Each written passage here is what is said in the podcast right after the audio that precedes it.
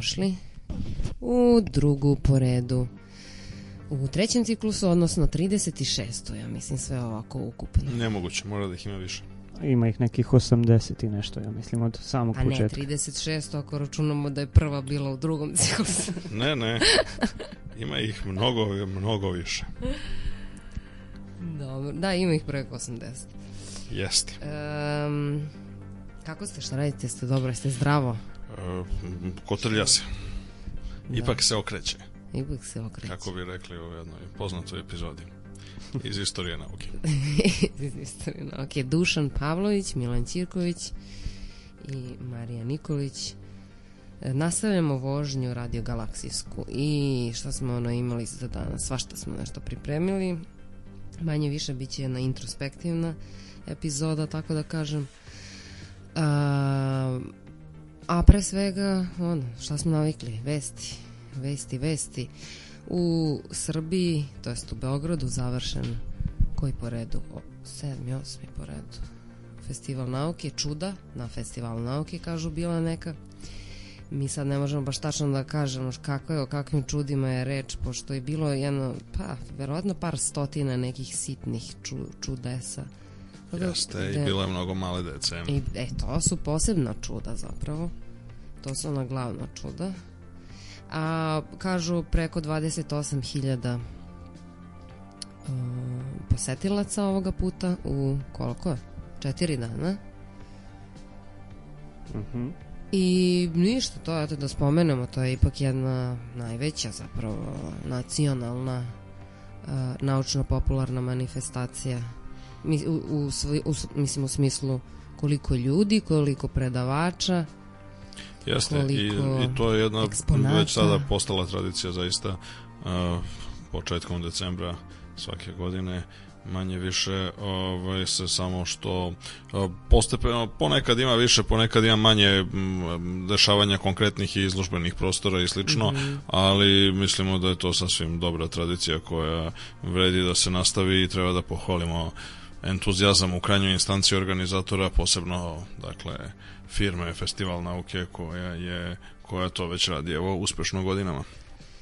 Jeste, a ono što je takođe ovde važno za nas lično u ovoj e, e, epizodi da kažemo jeste da e, smo pustili onaj neki konkurs za dizajnere, za ilustraciju Radio Galaksije.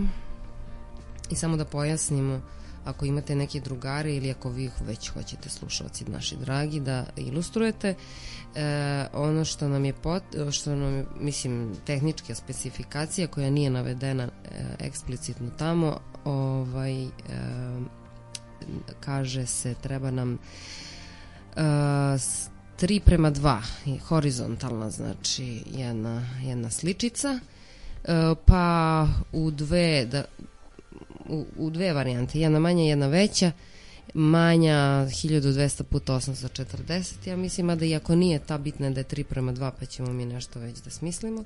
A ono, ako budete sad oni, oni koji će pobediti, uh, onda ćete biti izloženi, to jest vaš rad će biti izložen i verovatno u časopisu Elementi i na izložbi krajem tamo 2016. godine negde u naučnom klubu Centra za promociju nauke, a onda nam treba malo veća e, ilustracije i u tom slučaju e, vodite računa neka bude A3 opet horizontalno postavljena.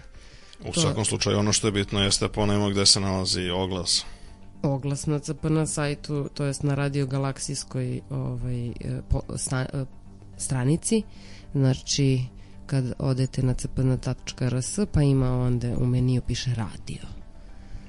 Tamo piše, a ima i na vestima elementarima, a ima i na design.rs i ima na Sikult. I na što više mesta, to bolje, naravno. Tako I je, u suštini, ako vas interesuje šta zapravo treba predstavljati, ta ilustracija možete jednostavno da poslušate par ovih starijih radio emisija i da jednostavno tu nađete inspiraciju za vaše viđenje toga kako izgleda jedna a, radio emisija koja se bavi popularizacijom astronomije i nauke generalno. Tako je. Ono što naravno e, je dobro došlo, svaka inspiracija je dobro došla, naravno sve sugestije su dobro došle, tako da usput možete Uvek i da predložite, usput zajedno sa dizajnom može da se i predlože različite nove teme i ideje. I pre samog roka za konkurs zapravo. Da, Apsolutno. Koji je zapravo 30. decembra, Da. ali primat ćemo mi i kasnije, nije, nije problem. Ako se zakasni oko nove godine, uvek je frka panika. Uh, radiogalaksije.gmail.com šaljite sve sugestije i komentare, s vaše radove. Radujemo vam se. A sada one vesti ozbiljnije, one malo važnije. Šta ima novo dušan? A, pa što se tiče... kraj o- godine i o- to. Kraja Suma godine. Sumarum.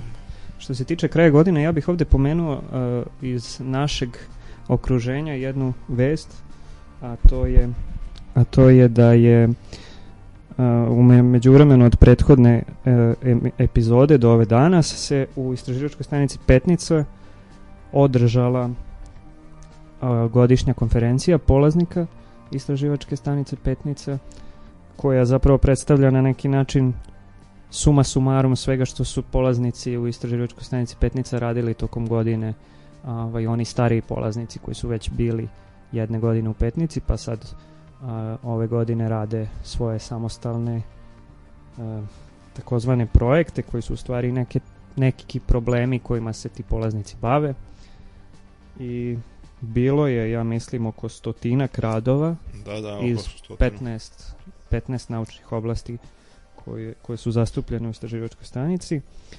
Uh, I ono što je još interesantno je da je, su je postojala i regionalna sesija gde su gostovali um, ljudi sa Summer School of Science uh, iz Požege, iz Hrvatske. To je jedna uh, slična institucija koja se takođe bavi naučnim obrazovanjem srednjoškolaca samo u Hrvatskoj, u Požegi i radi zajedno sa znanstveno-edukacijskim centrom Višnjan. E, Bilo je nekoliko njihovih polaznika koji su isto predstavili šta su radili. Bilo je dosta naših. E, ono što je bilo još jako interesantno je što na, na konferenciji koja je trajala inače od 26. do 29. novembra um, pored standardnih predstavljanja radova koje su u stvari prezentacije od uh, 10 minuta to su te neke usmene prezentacije ovaj, do nekih manjih od po 3 minuta i poster sesije i tako dalje kako to sve biva na, na konferencijama bilo je još nekog pratećeg pro, programa od kojih od kog je recimo jedna a, tribina bila jako interesantna to je tribina koja se bavila a, popularizacijom nauke i tema je bila zašto i kako treba promovisati i popularizovati nauku. A, učesnici su bili direktor e, istraživačke stanice Petnica Vigor Majić, Nemanja Đorđević, direktor Centra za promociju nauke. A, tako da to je bilo jedan interesantan prateći program, a u svetlu onoga što se dešava u svetskoj nauci i na svetskoj sceni, a to su klimatske promene, a, bila je bilo organizovano jedno predavanje o klimatskim promenama i samitu u Parizu koji je trenutno u toku. I o kome će biti više reči u narednim u narednim radiogalaksijama kada vidimo kakav će biti njegov ishod. U tome možemo možda posle muzičke pauze. When the storm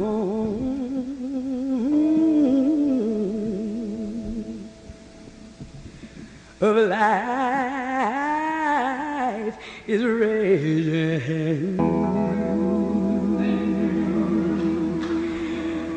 stand by me, love.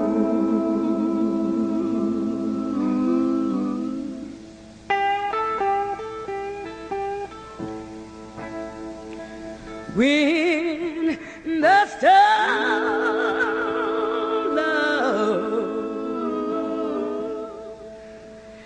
of life is raging. Yes, stand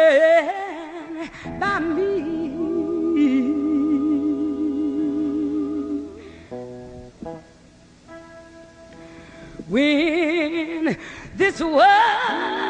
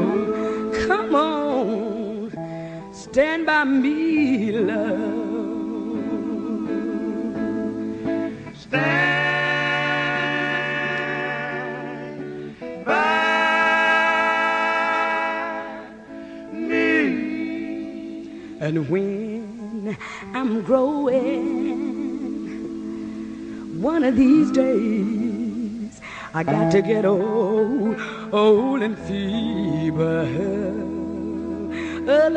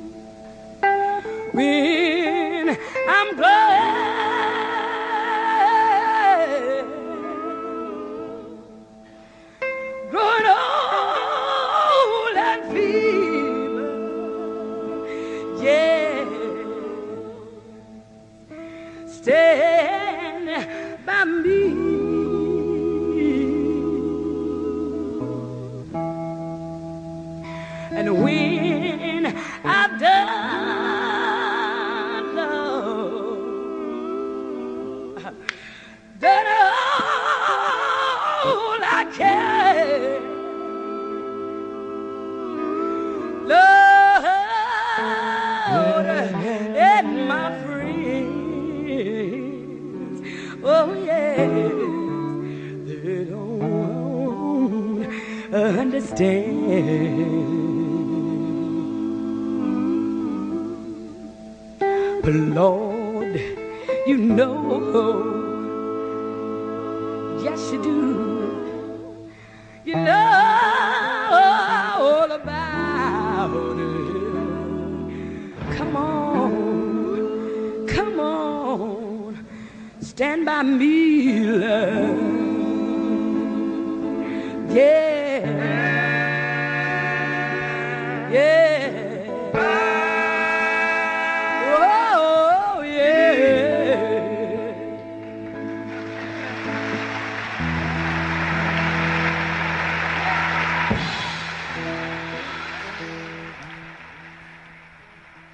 nas nazad. Nastavit ćemo još malo sa par vesti pre glavne teme. Pa da, eto, spomenuli smo klimatske promene, eto, to, to treba pomenuti. Um, 30. novembra je počeo summit a, u Parizu koji se bavi klimatskim promenama, summit među- um, Ujedinjenih nacija koji je 21. po redu, za 21. po redu konferencija um, kako se to kaže na engleskom, Conference of the Parties, ne, ne znam što, kako bi se to prevelo na srpski. A, to jest konferencija zemalja Ujedinjenih nacija koja se bavi konvencijama za klimatskim promenama i tako dalje i tako dalje. I glavna stvar i, i cilj konferencije je bilo da se dođe do a, nekog sporazuma i zajedničkog am, to je zajedničkog sporazuma oko toga šta znači klimatske promene danas i na čemu treba raditi uh, što se tiče svih zemalja u svetu. Još se ne zna ovaj, ko će zapravo voditi a, te, to, tu akciju a, suzbijanja lošeg trenda klimatskih promena i kako će teći pregovori ili šta već, to još uvek traje. Naravno. I... Ali su neke interesantne i bitne teme zapravo razmotrene tamo, pre svega emisija uh, ugljen, mon, ugljen dioksida u, u zemljenu atmosferu, uh, efekat staklene bašte koji se sve više i više zapravo povećava, koji je jako velika pretnja uh, u celoj to priči oko oko klimatskih promjena i to traje do 11. decembra. Tek nakon toga ćemo zapravo vidjeti šta će se desiti. Da, vidjet će se kakav će protokol biti donesen, odnosno koje mere mogu da a, mogu da budu da se očekuju u narednim godinama i decenijama koje bi trebalo da predstavljaju novu osnovicu pošto za razliku od starih sastanaka u Kyoto i Kopenhagenu ovaj, polažu se velike nade da bi ovaj sastanak mogao da bude uspešniji u pogledu donošenja nečega što će biti efikasna osnova za stvarne realne mere pošto ovaj, jedna sasvim jedna stvar ono na čelu biti saglasana oko uzroka, toka i rizika koji sledi od klimatskih promjena, potpuno druga stvar je osmisliti koje bi to konkretne mere i na koji način trebalo da mm, dovedu do smanjenja ljudskog eh, negativnog antropogenog efekta na klimu. Tako da to je taj, taj potonji politički problem prevashodno je nešto što je bilo strahovito slaba tačka prethodnih prethodnih e, sastanaka slične vrste i prethodnih protokola a ono što je ovaj put preduzeto jeste da su se pravile mnogo obsežnije pripreme i mnogo više je bilo e, razgovora i sastanaka koji su bili pripremnog karaktera pre nego što je ovaj sastanak u Parizu sam od, po sebi otpočeo, tako da se popolažu velike nade da bi mogle da se, da se formulišu nekakvi kompromisni ciljevi koji će biti realistični i koji će moći da se realizuju u periodu recimo do, do 2030 30-ih, 40 godina ove, za kad je u principu ono što se danas radi i zbog inercije klimatskog sistema će imati efekte za recimo tako 20 godina. Interesantna stvar je što je zapravo a, jedan od glavnih ciljeva to da se trend povećanja globalne temperature zadrži na u tom nekom opsegu od 2 stepena rasta. To bi bilo idealno, mada je verovatnoća za to jako mala. Ja, verovatno smo mi već probili to, samo što još ne primećujemo zbog inercije tog klimatskog sistema. A sad, da li je moguće zadržati da bude recimo manje od 4 stepena, to je ono što je pravo pitanje ovaj, do, do kraja veka ili tako u nekom periodu, to je ono što je pravo pitanje, pošto pošto tako velika povećanja bi imala zaista katastrofalne posledice. E pa to, to, koje bi to posledice imalo zapravo? Pa imalo bi posledice porasta nivoa mora, mislim, za par metara što globalnog okeana, što bi dovelo do ne samo nestanka pojedinih ostrva o, na, i čitavih država na Pacifiku, nego bi dovelo do toga da bi iz priobalnih područja morali da se evakuišu, pa ja mislim, verovatno milijardu ljudi ili, ili nešto više od toga. A, tako da je između ostalih stvari, naravno da ne govorimo o, o promenama morskih struja, o promenama čitavog peterna, strujanja vazduha, tamo gde se pojavljuju oblasti gde se pojav, u kojima se pojavljuje tropske oluje, tropska klima i tako dalje.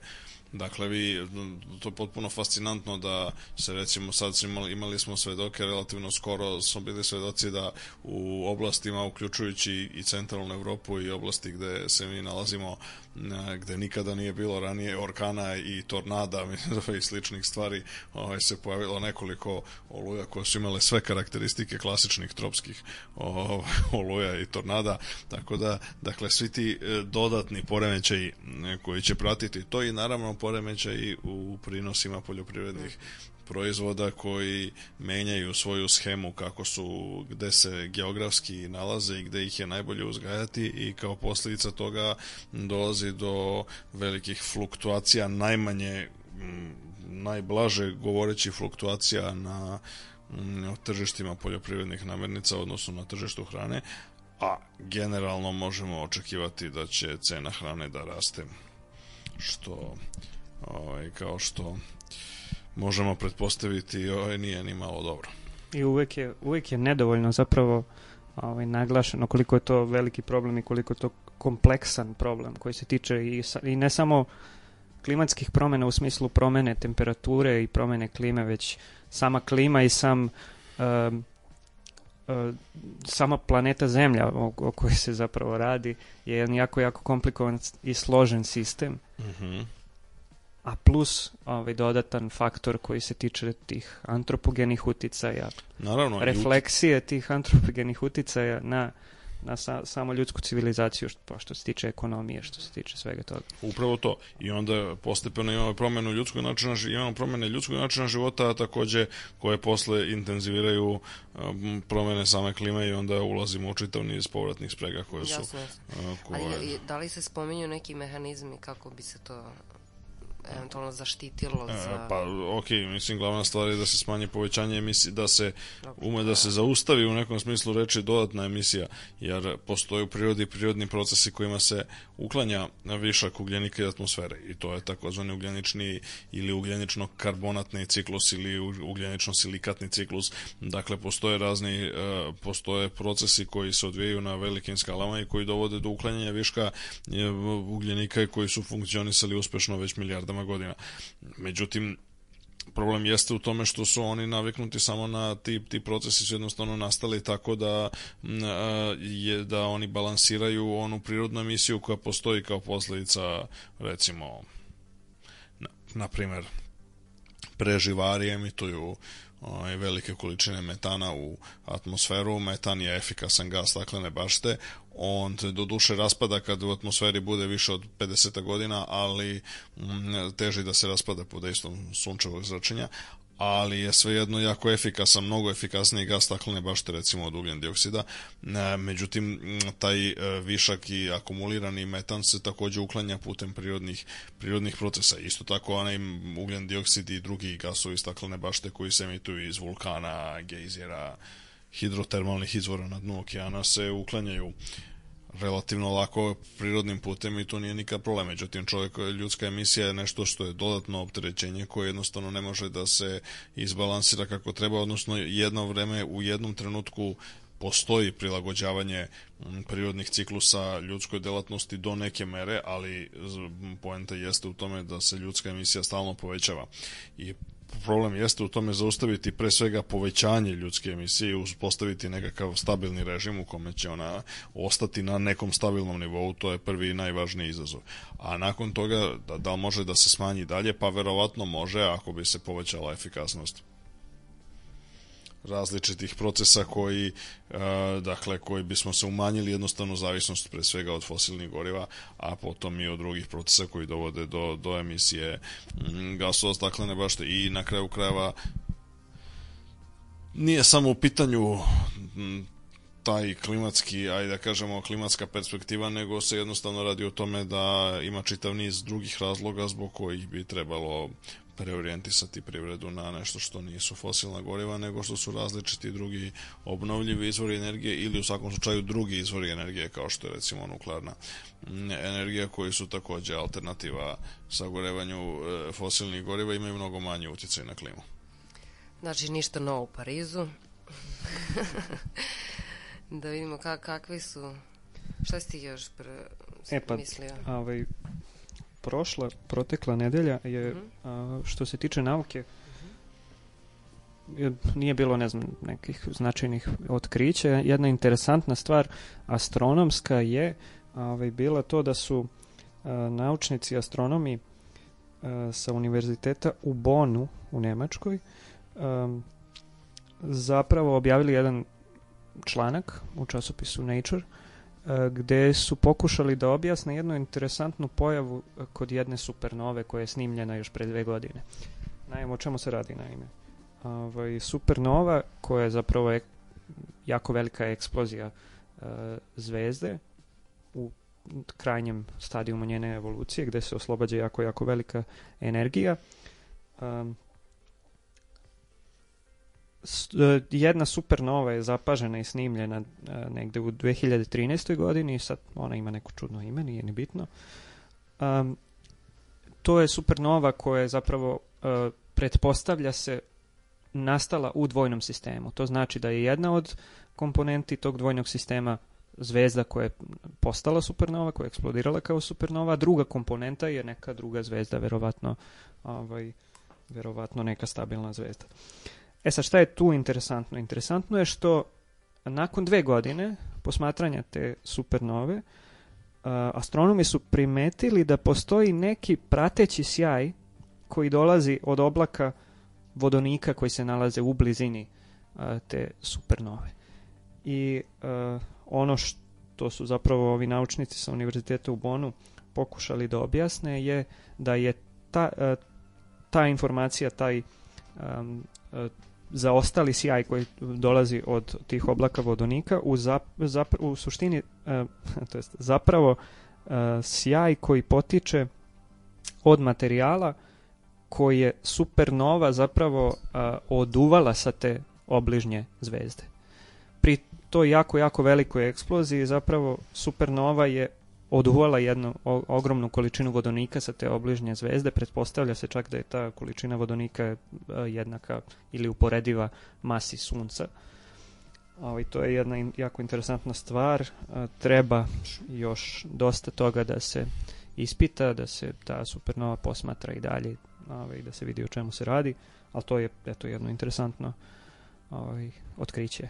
To bi to je vrlo zanimljivo zato što bi to moglo znači da se da je to prvi slučaj da da ta druga zvezda koja sad ima mnogo manju masu znači se nalazi na drugom mestu na na onom ovaj, na, na glavnom nizu i jednostavno ovaj, je promenila spektralni tip. To je jako interesantno. To je verovatno jedini slučaj da da zvezda na do sada verovatno jedini slučaj da je zvezda promenila spektralnih tipa da mi to možemo posmatramo direktno. Ako je u pitanju to. Mislim, treba još videti, ali s obzirom da, da. da je to, to otkriće objavio Nature, pretpostavljam da...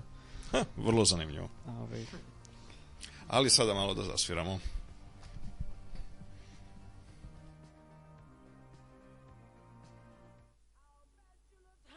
on your wedding day. So strong, so fine, so tall. No, I was standing in the church that day, and I couldn't see a thing at all.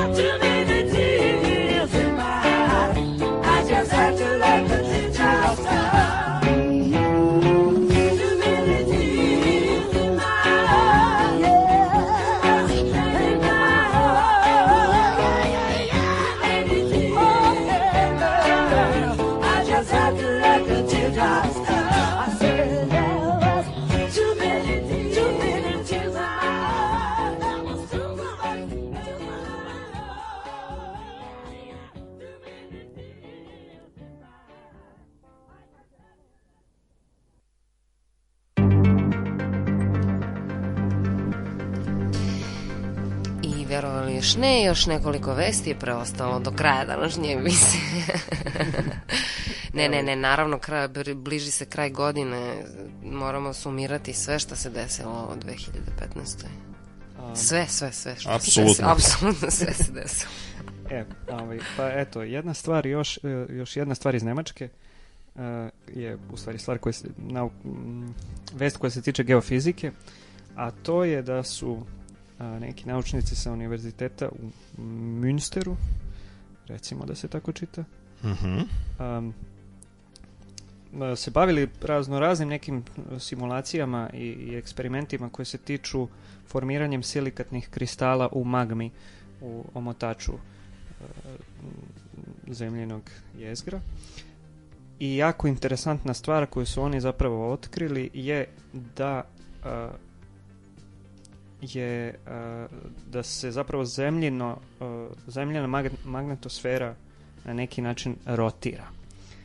Ove što je jako interesantno, a zbog čega? Pa zbog toga što uh, pri samom nastanku planete Zemlje, negde oko 4,5 milijardi godina, uh, Zemlja je bila jako, jako, jako vruća i prekrivena magmom koja je bila zapravo tečna i velikim okeanom i uh, jako Lako, se nije brzo... Nije odmah baš ok, mislim malo pop, znači, znači nije ona baš bila vruća, vruća onako skroz uh, kako se nekada zamišljalo da je to bilo kao te materija ista kao što je ona u zvezdama, nego, nego je poenta u tome da se tokom te akrecije, tokom tog zapravo slepljivanja fragmenata dolazilo naravno do njihovog zagrevanja, pošto su oni, su, oni su se slepljivali kao da se recimo sudaraju pri relativno malim brzinama i onda ta njihova mehanička energija i sudara je, je prelazila u zagrevanje. Nije, nije to je različito nego što je ideja koja je nekada vladala u 19. veku recimo da se ili Kant Laplaceova hipoteza klasična da se m, da je materija od koje su nastale planete zapravo ne znam otrgnuta od sunca ili da je to materija koja je koja je na neki način nastala istovremeno kad je plazma na suncu pa imala istu temperaturu. To nije slučaj, nego originalno delovi zemlje su bili hladni pa su se onda zagrejali tokom tih sudara i slepljivanja tokom, te akrecije do koje je došlo ovaj, tokom procesa formiranja zemlje lagano. A neki bi rekli ponovo se zagrevala sa površine, onda posle kada se već formirala, pa kad su upadali ovi razni fragmenti preostali nakon formiranja, ono, onaj otpad koji je preostao nakon formiranja planeta, koji bismo danas smatrali nekakvim velikim kometama ili asteroidima koji su udarili u zemlju još i haj nakon njenog formiranja. A, da, mislim, definitivno ovaj, je komplikovan sam taj tok nastanka i diferencijacije zapravo zemlje kao planete, ali ovo što je ovde bilo interesantno i što je bitno za ovo istraživanje je što pri samom nastanku u jako, jako, jako ranoj istoriji planete Zemlje uh, rotacija planete Zemlje je bila jako ve, br, velika, jako brza. Uh, I uh, za svega nekoliko sati je Zemlja izvršila vršila jednu rotaciju. I ono što je jako interesantno za ovo istraživanje je kako zapravo brzina rotacije planete Zemlje i takve magme uh, uticala na diferencijaciju odnosno stvaranje jezgra, omotača, kore i tako dalje. I ono što su oni ovde istraživali su, je zapravo nastanak tih silikatnih kristala u magmi. Ispostavilo se da rotacija igra jako, jako veliku uh, ulogu i da zapravo čak posredno uh, zemljena magnetosfera ima neke osobine koje mogu da se opišu rotacijom. Podsjetite šta je magnetosfera zemlje. Da. Pa, ok, mislim, to je u nekom smislu reči imamo ispod zemljene kore na kojoj živimo imamo omotač, pa ispod imamo spoljno jezgro, pa unutrašnje jezgro. E sad, spoljno jezgro je ono iz, što u nekom smislu reči je, ajde da kažemo, glavni nosilac dakle, magnetnog polja, odnosno glavnina, glavnina magnetnog polja potiče dakle, iz spoljnog jezgra koje je prilično tečno, ajde tako da se izrazimo, odnosno nije to baš neka tečnost onako kao ova na koje smo navikli u svakodnevnom životu, pošto se ipak radi o ekstremnim pritiscima i ekstremnom, ekstremnim uslovima generalno, ali je, ajde da kažemo, mislim kao nekakva, recimo, relativno razređenija pasta ili nešto što ima dovoljno osobina fluida. Istopljena materija. E, upravo to. Ali za razliku od toga, unutrašnje jezgro pak, gde vladaju još veći, naravno, pritisci i tako dalje, je u čvrstom stanju. I sad, Ono što jeste zanimljivo jeste da se to dobro slaže sa drugim nekim indikacijama do kojih smo došli u poslednje vreme. Jedan između ostalog jedan jedan od rezultata je bio saopšten i ove godine, a to je da je uno da je do, do, do te diferencijacije, odnosno do formiranja unutrašnjeg jezgra kao čvrstog objekta došlo pre otprilike milijardu godina. Dakle, između jedne milijarde i jedne i po milijarde godina, što je starije nego što ljudi su ranije mislili da taj proces teko sporije.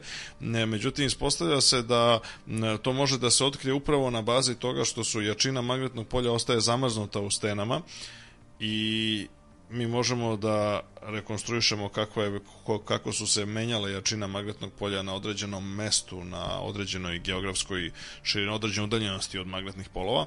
A, I ono što je interesantno jeste da su, da su ljudi ustanovili da je e, između i od, kažem između milijardi i milijardi i po godina pre sadašnjice je došlo do a, naglog pojačanja magnetnog polja, što mnogi smatraju da je upravo to, to je upravo mm, dakle odraz e, toga što se u tom trenutku formiralo formiralo to unutrašnje jezgro. E, i kako stoje stvari, mislim da izgleda to imalo veliki značaj na, za činjenicu da je zemljeno magnetno polje još uvijek prilično jako i da još uvijek igra značajnu ulogu u zaštiti uh, atmosfere od uh, kosmičkih zraka, sunčevog vetra i sličnih naelektrisanih čestica, a, što recimo nije slučaj na Marsu, zato što je na Marsu izgleda magnetno polje bilo najjače u vrlo ranim epohama kad je Mars nastao ili u prvih recimo pola milijarde godina nakon nastanka Marsa, a onda je sve vreme slabilo i kao posljedica toga u jednom momentu je postalo suviše slabo da bi da bi sprečavalo sunče vetar da uradi ono što je ultimativno i uradio, a to je da oduva zapravo veliki deo Marsa atmosfere i kao posledicu toga danas imamo jako tanku atmosferu oko Marsa i tako i veoma veliku izloženost kosmičkom zračenju i sličnim pojavama. Izgleda da je ovo formiranje unutrašnjeg jezgra do kojeg je došlo na zemlji e, jedan od razloga zbog čega je magnetizam dovoljno jak i dalje i zbog čega najbolji model koji je razvijen, recimo najbolji teorijski model za to koji je razvijen na Univerzitetu u Liverpoolu zapravo pokazuje da možemo očekivati da će zemljeno magnetno polje da potraje još milijardu godina u budućnosti pre nego što oslabi na neki vrlo nizak nivo kakav je na Marsu ili, ili Mesecu i e, tim drugim objektima koji se generalno nisu, nemaju ne smatraju se realno magnetni, magnetski aktivnim i nemaju realnu magnetosferu. Mm, tako da je to dobra stvar, pošto to samo znači da, da je nastanjivost zemlje u nekom smislu reči sa te, sa te strane osigurana još neko vreme. I za kraj ovog dela koji se tiče vesti je mm -hmm. časopis Science a, svake godine, pa i ove, pravi retrospektivu otkrića u toku ove godine, odnosno um, kako bi se to prevelo, breakthrough pa, proboj, no. proboja, proboja otkrića, naučnih proboja u dramatičnih 2015. napredaka. godini. Da. I do juče je zapravo trajao uh, jedan um, pa neko, trajala jedna no, anketa, glasanje, anketa, neko da. glasanje, ovaj, uh, gde su uh, urednici i autori članaka u časopisu Science zapravo birali deset najvećih otkrića u 2015. godini. Ono što je jako interesantno je što je na prvom mestu sa 35% glasova zapravo Pluton i istraživanje Plutona. Na drugom mestu je neko otkriće koje se tiče molekularne, biome, molekularne bio, biologije i istraživanje DNK i zapravo, ako ja dobro razumem, čitanja i izmene mm -hmm. genoma u samoj DNK. I ima tu sad još nekih interesantnih stvari, poput recimo vakcine protiv mm -hmm. ebole, koja je bila revolucionarna stvar i jako bitna stvar u toku ove godine. Um, paleontološka otkrića koje se tiču recimo jedna stvar je uh, otkriće novog, zapravo nove vrste čoveka ovaj, koje je uh, još zakomplikovala sliku uh, stabla uh, ljudske civilizacije. Ma da, i ljudske vrste, da. I, E, to, to je neki, neki skelet pronađen u nekoj pećini u Južnoj Africi. u Južnoj Africi, da, ima ime koje, to jest nadenule su mu ime Homo naledi. Na ledi, da. A, Pa dobro, nakon onih hobita, odnosno Homo florensiensisa Mhm. i, o, i drugih, zašto da ne, to je o, interesantno da ima što više tih nekih rođaka.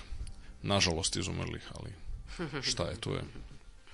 a, celokupnu listu možete da vidite na, na, na sajtu časopisa Science, a evo mi možemo da iskoristimo sad i ovu priliku i da najavimo da ćemo u Radio Galaksiji zapravo možda od Naredne epizode. naredne Mislim. epizode ovaj, imati jedno slično glasanje, pa Spremajte, spremajte svoje senzacionalno otkriće nas. za 2015. godinu. Jeste, i na sajtu ćemo da napravimo neki, neku malu anketicu. Tako je.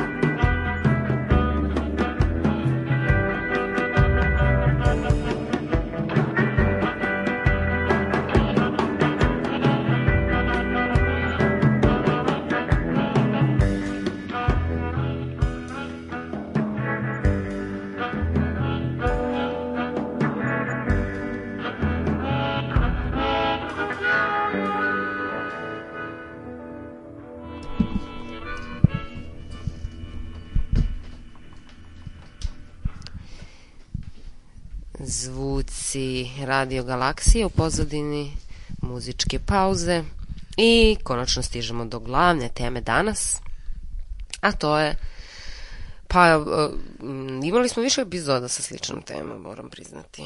Pa dobro, u svakoj, zavisi. U svakom Kako kad? ciklusu po jedna da se vratimo ponovo, ispitujemo šta mi to radimo, da li, da li to radimo kako treba.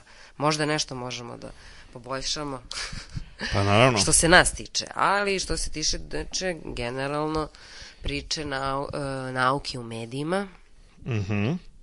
da, kako se ona prezentuje, je li ona previše pojednostavljena, je li ona besciljna, je li ona pogrešno protumačena A, u medijima. Pa to jeste, to jeste. dosadna? ono, To, to, to je ono čemu moramo stalno da se vraćamo i ono što moramo stalno da, da razmatramo i da preispitujemo. A, dakle, jedna stvar jeste da sad ima nekih fenomena koji su specifični i ove, lokalni za ovdašnje prilike i ovdašnje prostore. Ima nekih koji su m, na sreću ili nažalost globalnog karaktera od kojih se naprosto ne može pobeći. A, popularizacija nauke, ono što ljudi ne shvataju jeste da je to e, kako god e, čovjek posmatrao i sa koje god ta, tačke gledišta uzimo relativno nova stvar. A, dakle, e, ljudi su uprkos nekim herojskim pokušajima, ljudi koji su bili, ne znam, Camille Flammarion u 19. veku i tako neki, neki ta, recimo Eddington koji je pisao neke popularne knjižice i držao neka predavanja tamo 920. i 30. godina, a, u, u određenom smislu reči to je bilo daleko ispred svog vremena i bilo je mnogo manje uopšte, mislim, nije se doživljavalo ni kao neka zasebna aktivnost, a pogotovo ne kako je danas da, da zapravo ljudi na neki način smatraju da je to samo po sebi jedan značajan i bitan cilj, da to nije znači nešto što ima tek uzgrednu i instrumentalnu vrednost, nego što nešto što je takvo da a, vredi investirati resurse, vreme, energiju, ljudske i materijalne resurse u popularizaciju i promociju naučnih rezultata i to do te mere da je recimo Evropska unija, odnosno Evropska komisija je u a, svojim ciklusima a, projekata i prethodnim ovim FP6, FP7 i ovaj sad Horizons 2020 je zapravo na- nametnula kao standard i kao nešto što je obavezno za sve projekte da moraju da, da imaju relativno visok procenat učešća aktivnosti koje se tiču promocije i popularizacije nauke u njima. A, i to za sve važi, mislim, i, za, i važi recimo za ceo nekakav ciklus ko- koji, koji vredi recimo, ne znam, 40 milijardi evra ili tako nešto sve ukupno, od toga će 10% ili 15% biti o, uloženo na ovaj način u promociju, popularizaciju nauke, u prisustvu povećanje vidljivosti naučnih rezultata u javnosti i uopšte na interakciju sa društvom. E, u pogledu sa toga, e, to je relativno sve tekovina novijeg datuma i to je nešto što potiče, recimo, na primjer, e, moglo bi se reći u nekom savremenom obliku iz 1900, recimo, 70. godina, otprilike, na, otprilike 70, 60. i 70. godina, posebno 70. godina kada su ljudi, recimo, kao što je bio Carl Sagan, kao jedan od ono pionira i, e, i, i velikana popularizacije nauke, zaista pokazali da je moguće, e, koristeći pre svega elektronske medije, ovaj, moguće je približiti neke od stvari koje se činile abstraktnim, nedostižnim, nerazumljivim, nesvatljivim i tako dalje, zaista u bukvalnom smislu reči milionima i desetinama miliona ljudi. Ono što treba imati na umu jeste da se e, e, da recimo je u to vreme to nailazilo na jedan žestok otpor a, i to po najviše iz ortodoksnih naučnih krugova koji su recimo između ostalog u skladu dakle u, skladu sa nekakvim a, načelima i idejom da sad nauka je to nešto se obavlja daleko od oči javnosti, ono u kuli od slonovača i tako to, između ostalog su blokirali i to relativno skoro objavljeni su transkripti sa sednica Nacionalne akademije nauka na kojim je odbijena kandidatura Karla Segana, iako on imao fascinantnih i, i potpuno e, dakle, izuzetno originalnih, izuzetno značajnih znači, potpuno naučnih rezultata, kao što je, na primer, e, njegova teorija e, upravo efekta staklene bašte na Veneri, koja je bila prvo objašnjenje zbog čega Venera ima tako visoku temperaturu i zbog čega je na njoj vladaju tako ekstremni uslovi. A, to je u potpunosti bilo Seganovo delo a, i ima još gomila drugih stvari i njegov Dakle, taj čisto naučni portfolio je bio impresivan u svakom pogledu, mnogo impresivniji od mnogih članova akademije, ali on je bio odbijen pod e, izgovorom koji je čak i eksplicitno naveden u, u, u tom transkriptu, odnosno nekoliko debati koje je usledila, a, je nekoliko članova akademije izrazilo tu bojazan da to znači da će sada oni biti više na o, izloženi medijima, da će se češće morati pojavljivati na televiziji i da je to jedan trend kojim oni moraju da se suprostave. Pa dobro, ako uzmemo da je strah od javnog nastupa jedan zapravo a, najveći strah pa, svih ljudi na planeti Pa okej, okay, ali mislim to, to je zaista, neobično. to odražava jedan stav koji nam se danas može zaista činiti čudnim a, u pogledu a, značaja i, i važnosti pojavljivanja nauke u medijima. Mm -hmm.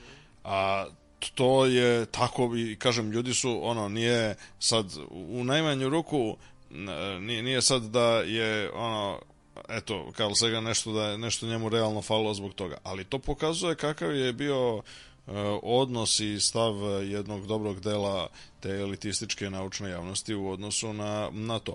Evo, među vremenu bi neki rekli da su stvari promenile u najmanju ruku zbog toga što između ostalog sad imate i nagradu koja nosi ime Karla Segana ovaj, koja se dodeljuje upravo za rezultate u promociji i popularizaciji nauke.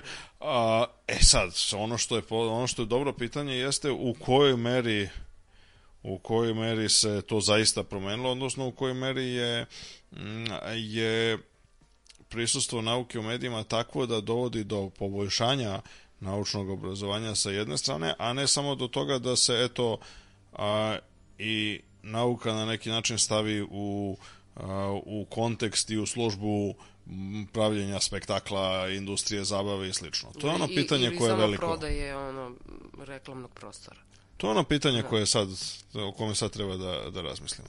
Interesantna stvar je, kad smo kod toga, da recimo a, kod nas je a, zapravo popularizacija nauke postala nešto što je a, postalo popularno a, tek od skora, od kad su zapravo a, ljudi krenuli da se institucionalizovano bave popularizacijom nauke.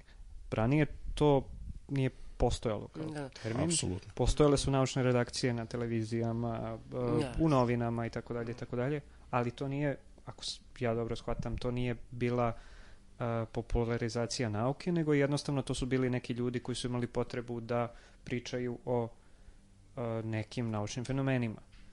Da, da, da. Moramo napraviti razliku između popularizacije, odnosno promocije nauke kod nas i, i u svetu, to definitivno. Mislim, mi nemamo ni, ni akademsku Uh, dakle, ni, ni jednu ono što se kaže kao department, a mislim ni jedan kurs, a kamoli e, i to je bitna stvar, čitavu, da, da, da. u svetu postoje čak čitavu, da, koja je zaslužena za to. Programi da, studijski koji se mm -hmm. bave naučnim novinarstvom, yes. izveštavanjem, uh, naučnim obrazovanjem, sve je to znači, donekle, to...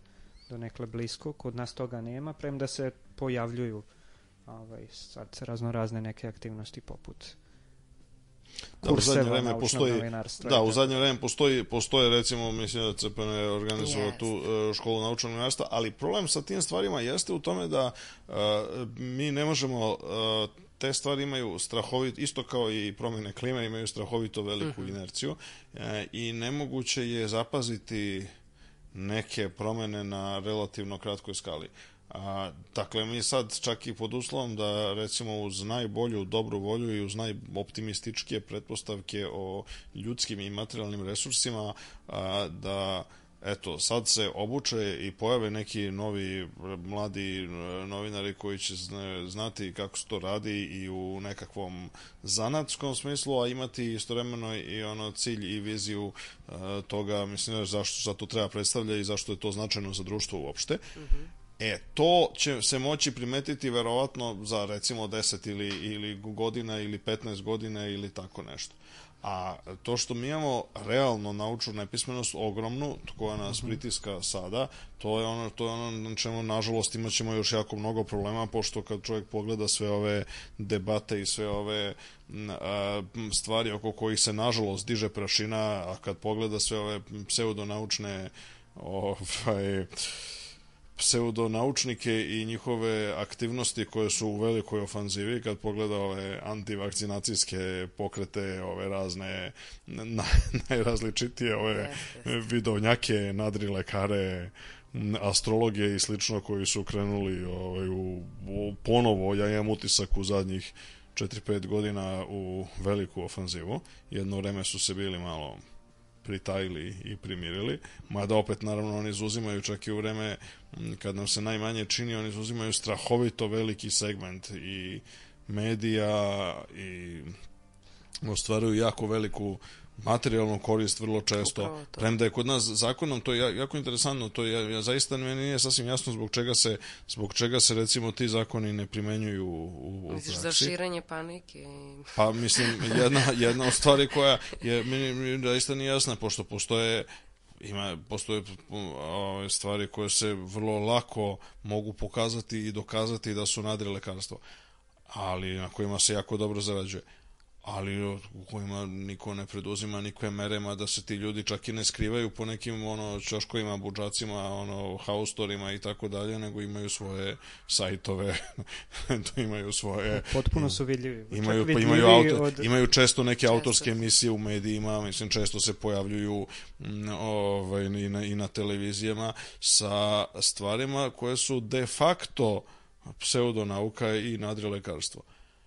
Međutim, to iz nekog razloga se ne konstatuje odgovarajuće, što pokazuje verovatno, ne, ne mislim da je u pitanju neka zla namera, nego verovatno jeste posledica toga da između ostalog, mislim, zove i državni organi, mislim, uključujući pravosuđe, uključujući, mislim, zove organe unutrašnjih poslova i tako dalje, jednostavno nemaju dovoljno visoku svest u tome e, da bi razlikovali šta je, Da, da. šta je nauka, šta je pseudonauka, mislim, šta je recimo medicina, šta je, šta je nadrilekarstvo i, i ono što je u suštini kažnjivo po zakonu. A da li možemo da kažemo da, da ovako kad pogledamo medije, pa ove, pa sve, sve, sve ukupno, možemo da, i- da izvučemo neke tri vrste naučnih tema, da kažemo. Pa jedna je ta sad što si ti naveo, te kataklizmične, te neke koje su uglavnom vezane za tako nadrilekarstvo ili, ili to čitava kampanja protiv vakcine i tako dalje. Onda imamo često one neke uvrnute koje su tipa e, kako savršeno skuvati jaje. Ili ta, mislim, to su sve... Da, na... da, da, naravno. Koje i koje odražavaju. E da. upravo to, ok, Da, mislim da. za za dakle sa- samo samo z- na tome zustavimo za momenat. Postoje, da, to je potpuno tačno, postoji prisustvo a, nečega što bi se moglo nazvati e, ono jednim iracionalnim čak i nesvesnim, ali u svakom slučaju iracionalnim e, ignorisanjem e, naučnog metoda, ignorisanjem onoga do čega su na način na koji mi zapravo dolazimo do saznanja. Dakle, gomila tih tvrdnji, recimo gomila tih tvrdnji ima a, koje narušavaju, koja bitno se suprotstavljaju osnovnim načelima naučnog metoda, ali imaju jednu čisto, na primjer, komercijalnu pozadinu. Upravo to. to je, to je e, slučaj sa onim primerima koji e, se e, najčešće koriste recimo u, u reklamiranju proizvoda. A kad vam se tvrdi da je naučno dokazano da je, ne znam, A bolje od B, Mhm. da je ono Merix bolji od Ariela, da je, ne znam, ovaj ili oni, ova vrsta uložaka bolja od neke druge vrste, to Sama ta je... sintagma naučno dokazana. Da, to, to, ta sintagma naučno tu zaista ništa ne služi i zapravo, mislim, zapravo ima ultimativno jednu kontraproduktivnu svrhu, pošto Ove, pošto ljudima može da pruži nekakvu iluziju da je to zaista nešto što je pouzdano i utvrđeno nekim naučnim eksperimentima, a to zapravo u 99% slučajeva, i neću da kažem u svim, ali po, pošto dopuštam da su u nekim slučajevima postoje nekakvi realni eksperimenti, realni testovi i tako dalje, ali to nema nikakvu stvarnu osnovu. To vam je isto ono kao kad neko, kao kada smo imali prilike nažalost da čujemo a, kad su bile poplave iz proleća 2014. m, Dakle, da je, eto, ovo, ne znam, poplava koja se dešava jednom u 100 godina, jednom u 300 godina, jednom u 1000 godina, šta sve nismo imali prilike da čujemo od regionalnih i drugih političara, a, a to zapravo sama ideja i koncept pretpostavlja da mi imamo recimo evidenciju koja seže ovaj 300, 100, 300 i 1000 godina u prošlost, što je naravno potpuno besmisleno smatrati da su, ne znam, Turci i Osmanlije ovaj, držali ono, onaj vodomer i merili kolika je, koliki je nivo reke, mislim, i ono otprilike da. o tome kao radio Beograd, što radi u podne, ono koliki je vodostaj na, na rekama, a, to je potpuno iluzorno i pokazuje jednu ne... Ali to na neki način ta vrsta a, a, ignorisanja načina na koji se dolazi do onoga što ćemo smatrati empirijskim činjenicama ili logičkim zaključcima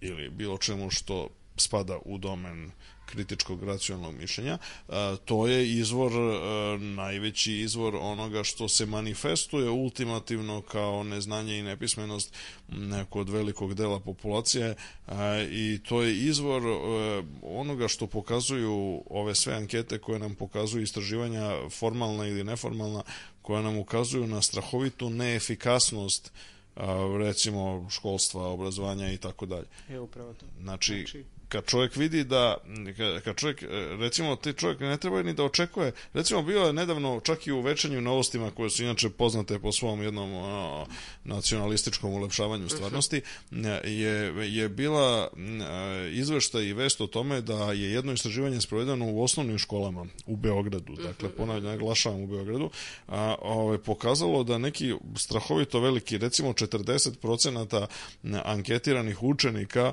smatra da su se u drugom svetskom ratu partizani borili protiv Turaka. E, dakle, sad, e, ovo, to je fascinantno iz e, razloga što zapravo ljudi kažu, a vidi katastrofa od škole. Ali to nije samo, ne, ne radi se tu o, o, na kraju krajeva o školi. E, dakle, ljudi e, u nekakvim i ole normalnim društvenim okolnostima bi a, razumeli da, da, taj, da je taj iskaz besmislen, razumeli bi šta, o čemu se tu radilo, čak i nezavisno potpuno od škole. Znači, jednostavno, baš upravo u medijima, u javnom mnjenju nije prisutna ideja da se bilo kakva istina, pa i istorijska istina se bazira na naučnom metodu i ona se jednostavno mora da bude prisutna, mislim zove, u sve prisutno. pozadini bilo kakve rasprave o bilo kojim temama, a pogotovo ako se radi o temama koje se još ovde u, na ovdašnjim prostorima percipiraju kao ekstremno bitne kao što su te velike istorijske ne istorijske neke teme i ne znam slavna prošlost i tako dalje ali tu sad nije ni bitno da li je ta činjenica ovaj, istinita ili nije. Ovaj, bitno je, mogli su da postave pitanje, u drugom svetskom ratu su se partizani pro, borili protiv, pa sad, Turaka Aha. ili, ne znam, Napoleona Bonaparte. A, to je interesantan primjer gde, je zapravo, gde se zapravo vidi kako u našem obrazovnom sistemu ne postoji to kritičko mišljenje i gde jednostavno učenici ne umeju čak tako neke jednostavne stvari da razgraniče i da, da u, ist, kad je u pitanju istorija, da u uh, vremenski kontekst stave neke događaje, neke Upravo grupe to. ljudi kao što su, ne znam, partizani Upravo. ili Osmanlije ili kako već. Upravo to.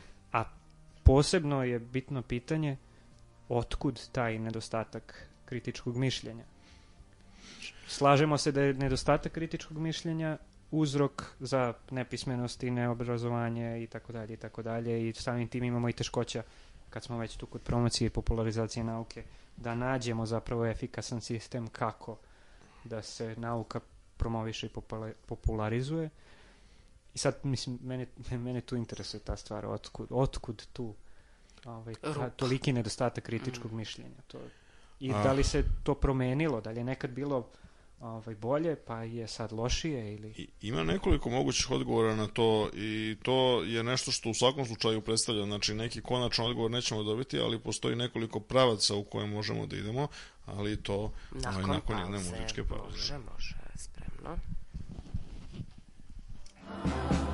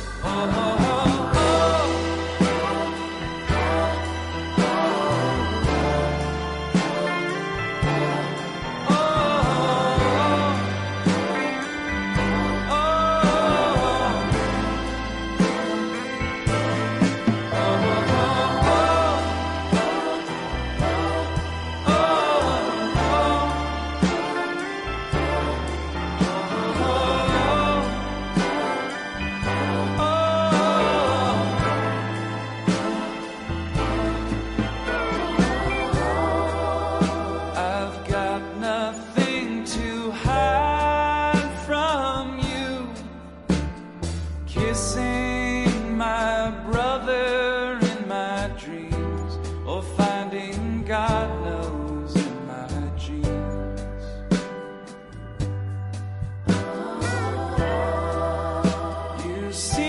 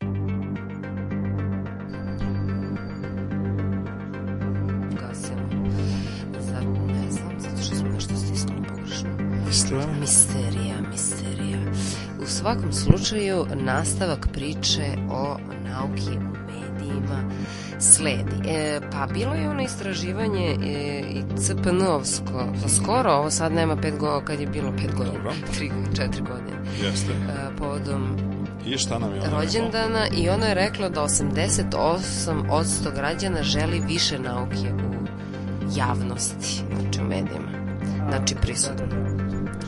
To je dosta ohrabrujuće, To je vrlo hrabrujuće. ali A uzorak? Uzorak je bio, ja mislim, pa 3000 ljudi obično bude. naravno, dobro, i zavisi kako je to postavljeno i koncipirano kao... Yes.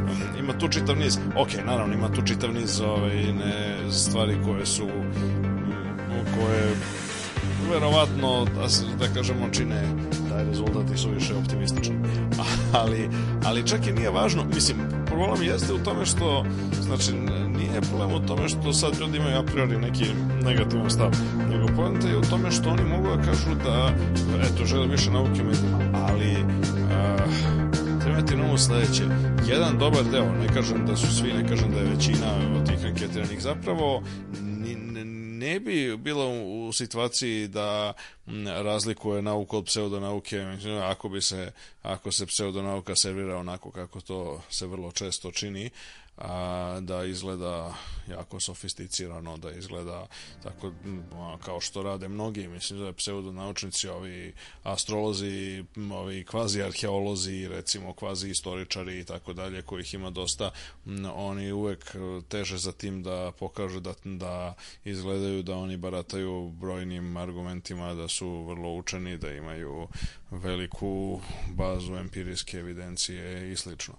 E, problem jeste u tome što u nekom smislu reči a, nauka ipak e, realna nauka za razliku od pseudonauke zahteva ipak jedan malo jači e, intelektualni angažman i nešto što zahteva malo više napora i na neki način je manje opuštajuće, manje je manje je podložno ovaj, tom, toj transformaciji u nekakvu zabavu, spektakl i, i uopšte onome što se inače dešava sa brojnim stvarima, uključujući stvari koje nisu nauka, ali su u nekom smislu reči vrlo bitne za formiranje racionalnog pogleda na svet i za a, pravilno i normalno i razumno odlučivanje građana, kao što su, na primer, informisanje o ovim potpuno drugim dnevno-političkim i drugim e, vestima, koje se, nažalost, velikim delom takođe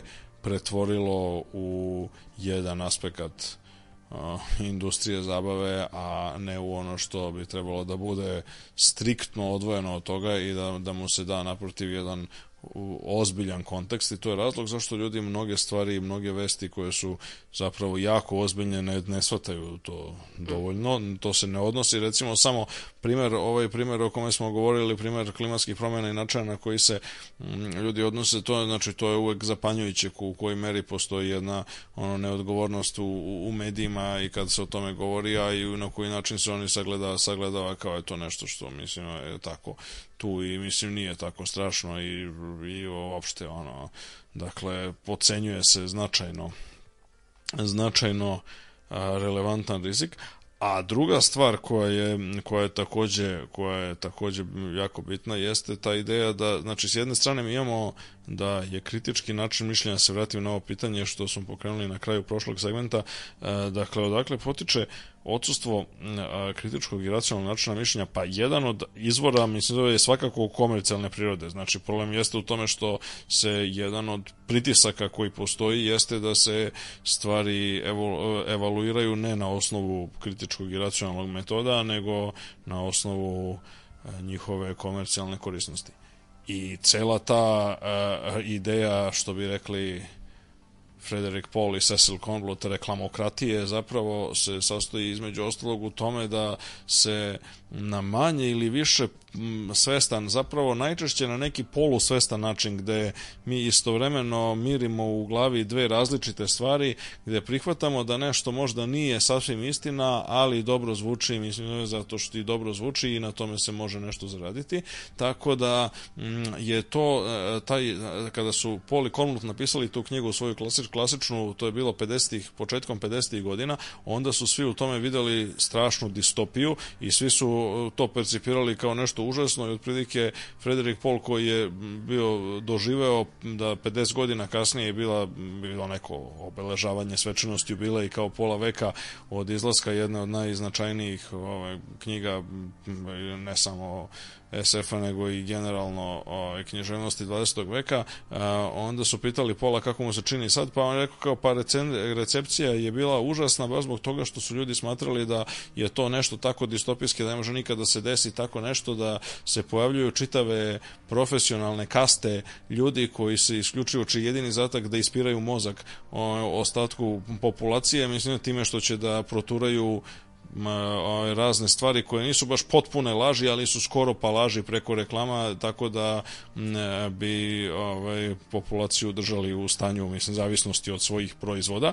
I kaže, to su svi doživljavali, sve su rekli, pa to je nemoguće, pa to je strašno, pa to se neće nikad desiti, a 50 godina kasnije se do, došlo do toga da su to ne samo profesije koje postoje, nego su čak, mislim, zove i društveno cenjene, ne samo društveno prihvatljive, nego i društveno cenjene prakse ovaj, raznih tih PR menadžera, imidž eksperata, kreativnih direktora i drugih ovaj, stvari koje, koje služe uglavnom za to. A to je da se zapravo realnost na ovaj ili onaj način zaobiđe, da se predstavi da se predstavi drugačijom i da se predstavi na način koji je suštinski suprotan a, ciljevima a, kritičkog racionalizma i naučnog metoda. I takav način mišljenja se zapravo i uh, uh, ponekad primeti i u samoj nauci i u samom populari, samoj popularizaciji nauke. Da, da, da, Gde da, postoje- bez daljnjeg.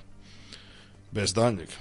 Ja, ja, ja sam Postoji ta potreba da se, po, po, pomen- pomenuli smo u prošloj emisiji, ovaj, da se neka naučna otkri, otkrića spektakularno prikažu, iako Apsolutno. zapravo nisu toliko spektakularne. apsolutno. Čak i u samim naučnim krugovima. Apsolutno. I, I apsolutno. I to je posljedica isto tako. Mislim, dakle, postoje jaki komercijalni interesi koji su, ne, koji stoje iza toga i koji jednostavno čine da se, a i sa druge strane postoji i nekakva nakaradna mm, nakaradna ideja koja ima, ja lično mislim, ima korena u jednoj drugoj stvari, u jednoj drugoj ideološkoj slici sveta, a to je da potreba da se e, vrlo često i postoji potreba da se i sa odraslim građanima i da se sa, sa ljudima koji su punoletni i tako dalje postupa e, infantilno i postupa kao sa malom decom i da se stvari predstavljaju jednostavnije i trivialnije nego što je moguće zaista, jer kao što ako se setimo Einsteinovih velikih reči da sve treba bude najjednostavnije moguće, ali nikako jednostavnije od toga,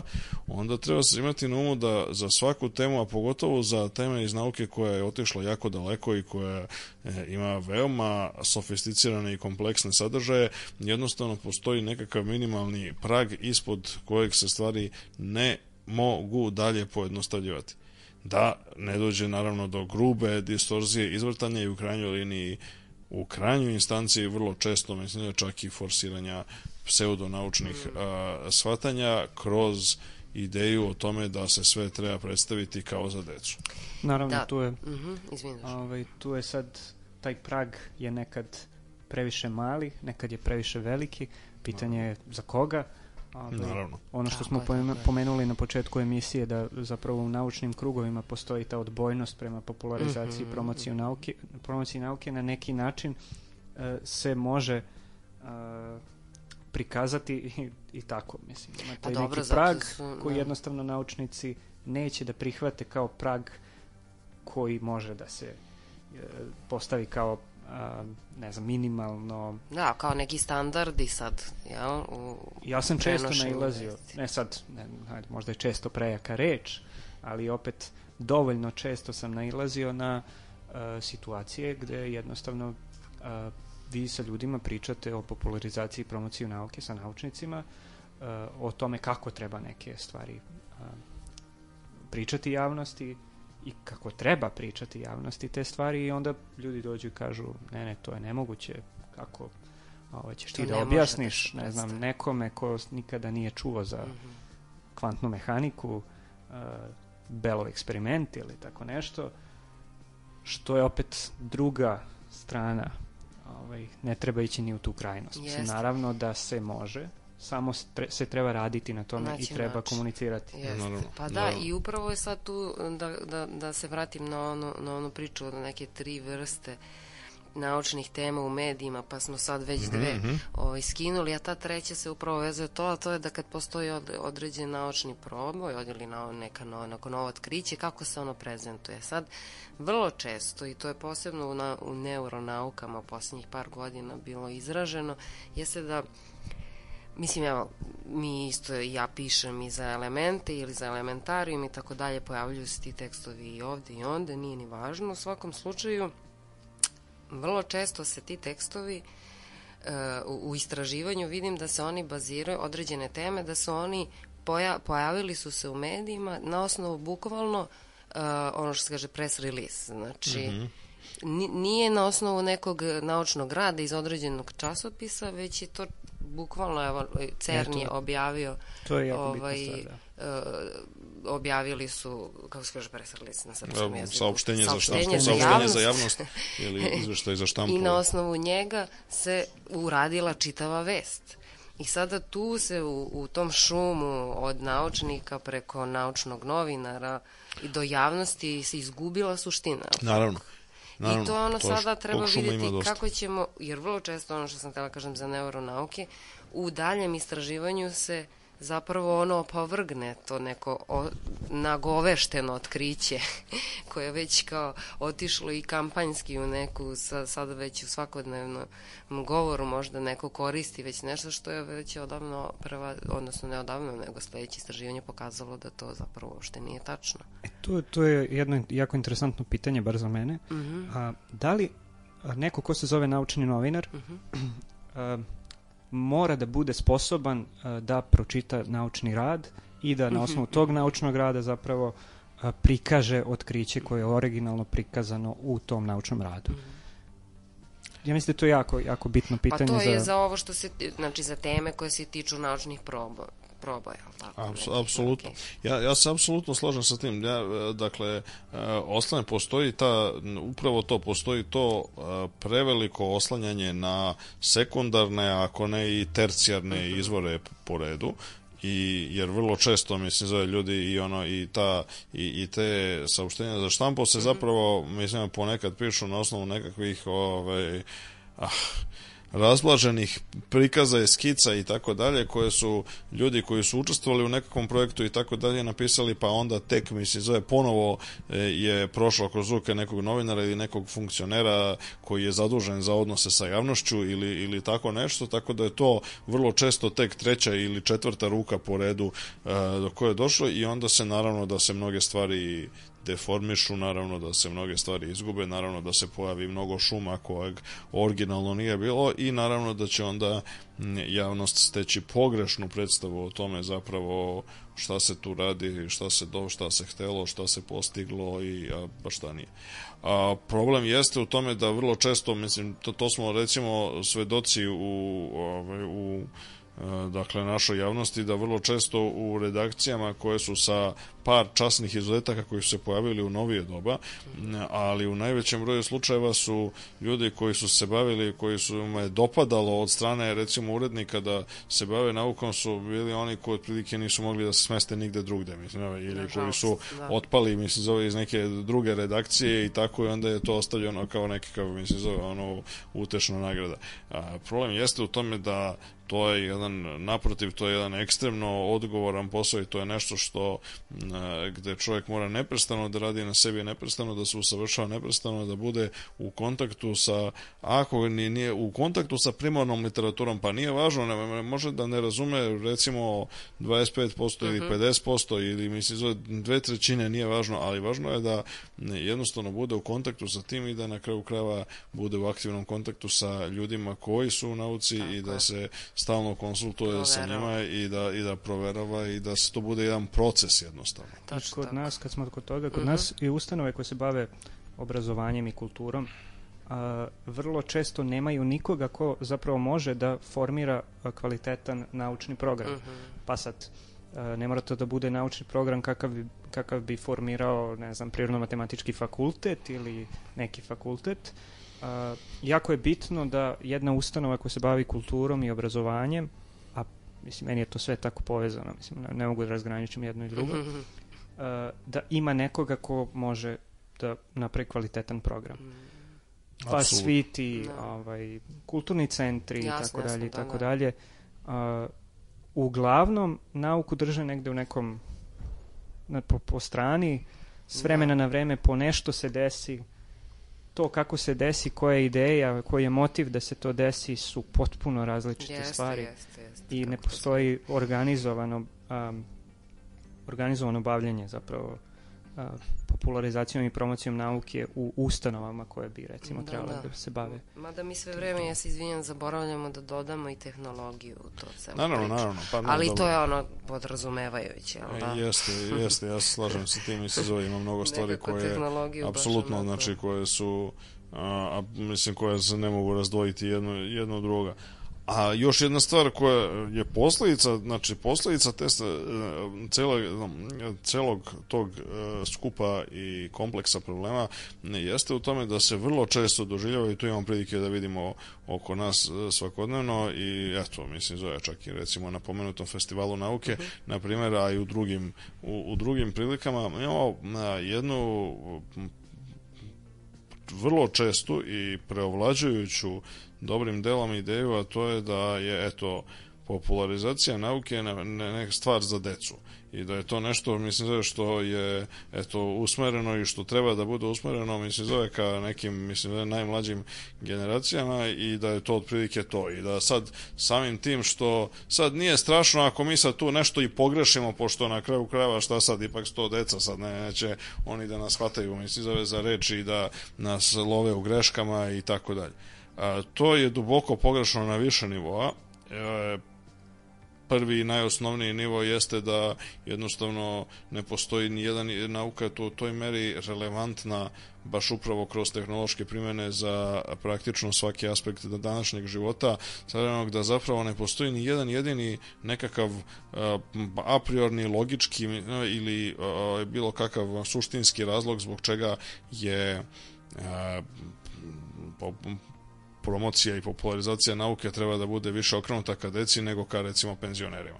To što postoji nakaradna ideja, mislim zove da je to penzionere možemo da ignorišemo mislim, ove, i da su to ono, neki ljudi koji nisu Manje bitni, koji inače se, mislim zove, koji inače postoji u drugim oblastima života kao što su zdravstvo, saobraćaj i slično, koje je potpuno skandalno, to samo odslikava jedan, jedan nizak moralni i, i, Tako i, i, i humanistički nivo našeg društva. A, kaže, sa druge strane, bar ako se hoćemo da se bavimo naukom i, i bar i, i sa te po- popularizatorske, medijske i novinarske strane, onda mi jednostavno ne treba da delimo, mislim, zove te najcrnje i najniže osobine, mislim, zove društvo u kome živimo, nego treba da se izdignemo iznad toga. A izdići se iznad toga jeste upravo razumeti da, na primjer, kao što u nekim drugim zemljama gde se više obraća pažnja na to, postoje čak i ono, recimo, sportski klubovi, udruženja i tako dalje, koja su isključivo ono orijentisana ka penzionerima, imate čak klub padobranaca u Velikoj Britaniji, čiji je osnovni uslov da članovi moraju budu stariji od 70 godina.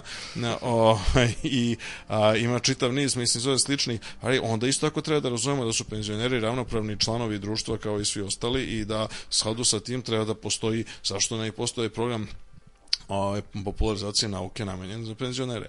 Namenjen još mnogo više, mislim, zove o čemu sam ja svoje vremena nešto pisao, a postoji još mnogo više iz višestruko značajni razlog bi treba bude recimo e, programi popularizacije nauke namenjeni poslovnim ljudima i preduzetnicima. O, to je jedno od utoliko važnija stvar ukoliko mi hoćemo da uđemo u civilizovani sveta, kao što je poznato osnovica civilizovane, jeli, civilizovanog sveta je tržišna ekonomija. Osnovica tržišne i kičma tržišne ekonomije su ljudi koji su preduzetnici, e, manji, srednji, veliki poslodavci, e, privatnici, dakle za njih je od suštinskog značaja a, da budu upoznati sa naučnim dostignućima mnoge od najznačajnijih i najvećih a, preduzeća u svetu su nastala na bazi naučnih i tehnoloških otkrića i breakthroughova. Ako se pogleda nakaradno i nasuprot uobičajenoj mantri kojom se ispira mozak posebno u levičarskim medijima koji su dominantni ono u Srbiji i u svetu, a to je da se mm, da sad među da su najbogatiji ljudi na svetu neki bankari, vi ako zaista pogledate, mislim zove e, empirijski izvršite mali napor, što obično je jako teško čak i za čak i za novinare, da izvrše mali napor, pa pogledate recimo na primjer Forbesovu listu, vi ćete vidjeti da na Forbesovoj listi zapravo ima relativno malo ljudi ovaj, koji iz bankarsko-finansijskog sektora, a najviše mislim zove ima ljudi koji su e, ovaj, stekli bogatstvo upravo na osnovu tehnoloških ovaj, inovacija. Tako je, tako I je. to je ono što je jednostavno vrlo, to je ono što je jednostavno činjenica. A, dakle, u tom pogledu, ja mislim da na svim prostorima, pa i na našim, a, je zapravo program i popularizacije i promocije nauke koji bi bili namenjeni preduzetnicima jer su takođe ekstremno bitan segment koji u potpunosti u potpunosti odsustvoje. A recimo uzre bude rečeno u svetu, mislim zove veliki časopisi koji se bave ekonomijom, e, pri privredom e, kao što su The Economist, kao što je Wall Street Journal i tako da imaju među najboljim naučnim rubrikama inače. Mislim znači nauka, naučna rubrika u Wall Street Journalu je i o, o, recimo u The Economist mislim su jedna od najboljih naučnih redakcija na planeti. Tako je. I to je jedna stvar. I, I naravno drugi segmenti društva, evo što sad mislim, navodim samo neke primere, Jasno, ali to nije jednostavno, ne treba shvatiti, ne treba bude ograničeno na to. E, ali to po, zahteva jedno malo, jedno opet veće ulaganje resursa i ljudskih i materijalnih i, i vremena, dakle i zahteva, a, zahteva da se bude mnogo aktivniji i tako, a ne da se, da se kaže sad sve je to igra, neka da ćemo mi deci da se igraju i onda možemo i mi sami da se opustimo i da ne razmišljamo, da se ne trudimo previše oko toga. Ne, naravno, mislim, samo treba pojasniti to da e, naravno da treba popularizacija nauke da bude okrenuta i ka deci, mislim to je Naravno, ne, Da. niko to ne negira, naravno. jako, samo Da, samo da. kažem da ovaj, Da, to da. treba pojasniti možda ovaj, zbog, zbog nekih slušalaca. A, I popularizacija nauke, zapravo kako je moje viđenje, a, kod dece je zapravo jedan jako, jako lep posao i jako inspirativan i svi a, koji su bilo m, koji su radili popularizaciju nauke na festivalama nauke, na radionicama raznoraznim, držali predavanje i tako dalje i tako dalje, e, se uvek vrate sa takvih e, aktivnosti sa ogromnim entuzijazmom i ogromnom motivacijom da rade dalje. E ono što je tu problem ovaj, kod mene, ovaj, to jest ono, ono kako ja vidim ovaj problem sa popularizacijom nauke tu je što se tu stane Da. i što se onda Da. e, imamo motivaciju, imamo ambicije, imamo ideje, ali samo u okviru toga što radimo i nismo otvoreni zapravo da, da vidimo širu sliku toga šta je problem sa popularizacijom i promocijom nauke i na koje sve još načine možemo da se bavimo time. A to je opet jedan i realno objektivan problem toga što je naše društvo jako malo i što je opet dosta nerazvijeno, što te ins- institucije koje bi se bavile time su tek počele da se a, formiraju i Pa dobro. ovaj, to će trajati i trajati. Jeste. Ali u svakom slučaju o ovim temama treba diskutovati, Tako to je razlog tako zašto smo se... I, I za sam kraj da pozdravimo redakciju ovaj, e, dnevnog časopisa Danas, koji su ima tome jedno sedam dana, ja mislim, ovaj, odustali od uh, čitava jedne onako fantastična potpuno priča ko nije video umesto horoskopa od prošle nedelje ide rubrika te, teleskop. Što znači bukvalno gledate u zvezde i e, pričice o astronomske pričice. Mislim da su da je ekipa iz CPN zadužena za pisanje, ali ne mora strogo da budu oni. Tako da ako želite da dopunite tele, teleskop rubriku u danasu namesto horoskopa, e, pišite, pišite, spojit ćemo. I naravno, e, to je jedan početak u jednoj većoj akciji ukidanja horoskopa u Srbiji. Nadam se da će biti da će možda uspeti, to, to bi bilo stvarno onako jedinstvena zemlja na svetu koja je se pročistila sa, od horoskopa. Ok, to Velike verovatno neće uspeti, ali nije ni, nije, velike ni, ovaj, nije ni toliko bitno ono koliko je bitno da se uspostavi malo veća ravnoteža. Mislim, zove, dakle, generalno pseudonauka je, je suviše dominantna u odnosu na naučan sadržaj, tako da se oko uspostavi. će postojati uvek, ja mislim. Naravno, tako da ako kad se uspostavi jedna ravnoteža, onda će biti mnogo lakše objektivno i nepristrasno diskutovati o ovim stvarima. To svakako. Muzička pauza i onda, i onda jedna jedan jedna knjiga, a verovatno ste se sve vreme pitali šta je to šta ide, kakva je ovo muzika. To, je, to su klasični soundtrack od ove popularne serije True Detective, ovako random smo izabrali. E, tako da pogledajte, imate tamo spiskove pa možete da puštate muzika je stvarno izvanredna. I evo konačno glavne teme o, istoimene serije.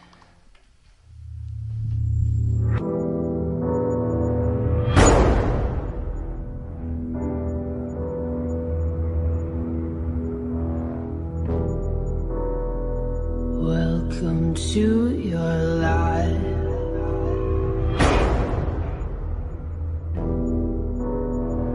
There's no turning back.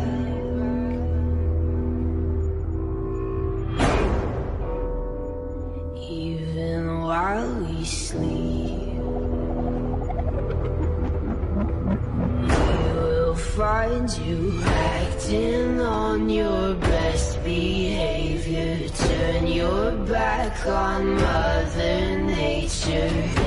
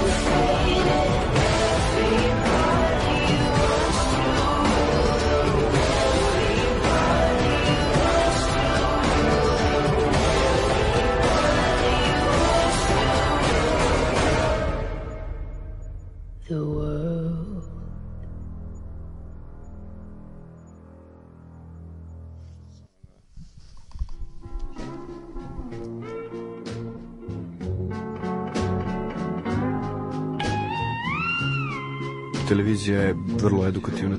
Svaki put kad neko upali TV, ja odem u drugu sobu da čitam knjigu. Prljava knjiga nikad nije prašnjava.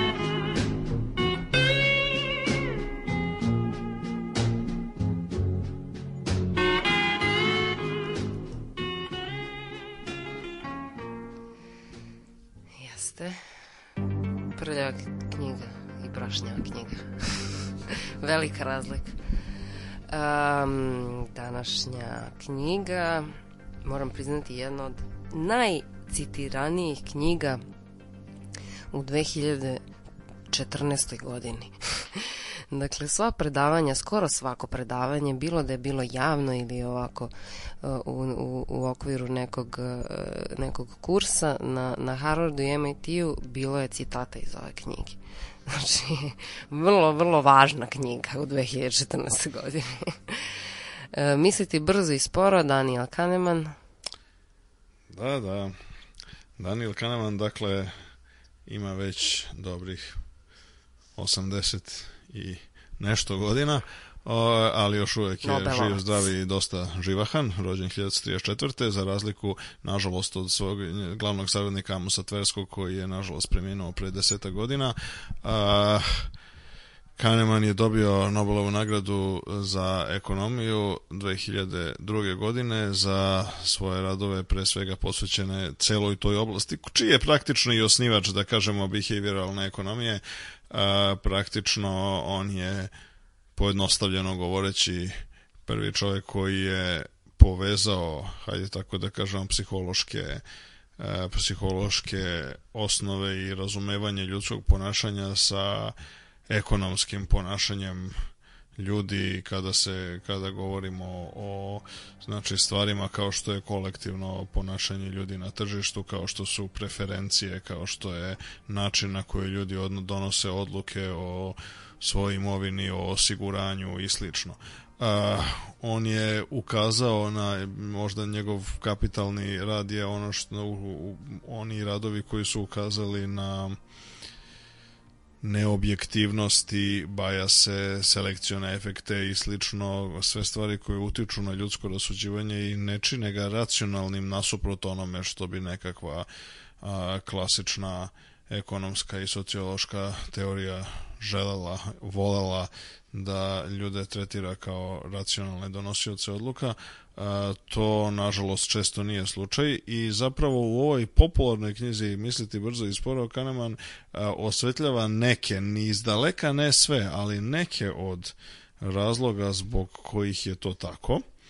A osnovni razlog zapravo je u nekom smislu reči se nalazi već i u samom naslovu, mada malo šifrovan, a to je njegova ideja da zapravo imamo dva načina mišljenja i dva sistema, kako on to zove, sistem 1, sistem 2, koji a, se karakterišu a, jedan instinktivnim, brzim, a, efikasnim, ali često pogrešnim a, jeli, mišljenjem, a drugi koji zahteva deliberaciju, premišljanje, razmatranje alternativa i slično, koji je pak sa druge strane mnogo sporiji i mnogo neefikasniji u nekim situacijama u kojima je relevantno i bitno doneti brze odluke.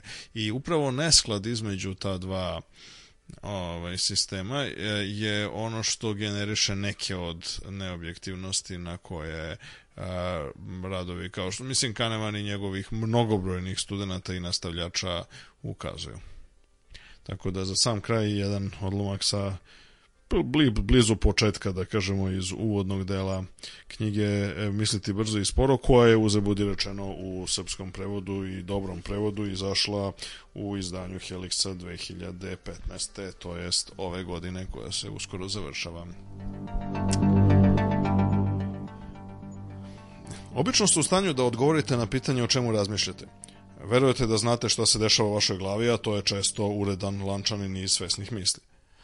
Ali to nije ni jedini, niti uopšte tipičan način na koji on funkcioniše. Za većinu utisaka i misli koje nam dolaze do svesti ne znamo odakle nam. Ne možete da rekonstruišete kako ste došli do uverenja da na stolu ispred vas stoji lampa, kako ste utvrdili tračak nervoze u glasu svog partnera preko telefona ili kako ste uspeli da izbegnete moguću opasnost na putu pre nego što ste zaista postali svesni. U našem umu se u tišini odvijaju mentalni procesi koji rezultiraju impresijama, intuitivnim sudovima i mnogim odlukama.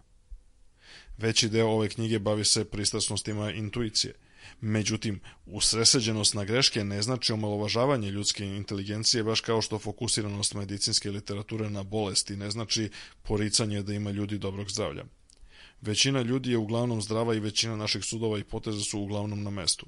Najčešće dopuštamo sebi da se krećemo kroz život vođeni impresijama i osjećanjima i poverenje koje imamo u svoje intuitivne sudove i sklonosti je obično opravdano.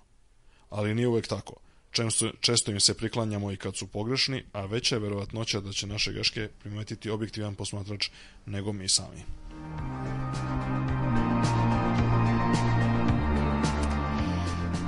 I na samom kraju, mi smo u toku ove epizode došli do jedne briljantne ideje, a to je da naredna epizoda bude u novogodišnjem izdanju i da zapravo otvorimo ove naše, ovu našu uh, emisiju i za javnost tako što ćemo da pozovemo naše verne slušalce da dođu i uveličaju jedno novogodišnje emi, uh, snimanje zapravo pošto smo izvanično prešli u podcast. Dakle, pratite nas na standardnim mestima gde možete da nas vidite e, i objavit ćemo kad će tačno da bude koje mesto vreme druženja otprilike negde u naredne dve nedelje, znači od, od znači dve nedelje od sad, što vi ko zna kad je vama, budući da mi ne znamo kad ste vi slušate ovu emisiju, ali recimo oko 20. 22. 3. 4. decembra, novogodišnja epizoda Radio Galaksije, bit će neki gostiju, Vidjet ćemo šta će još. šarene teme, novogodišnje praznične. Hvala e, Milane, hvala Dušane, čujemo se Do slušanja. Doviđenja.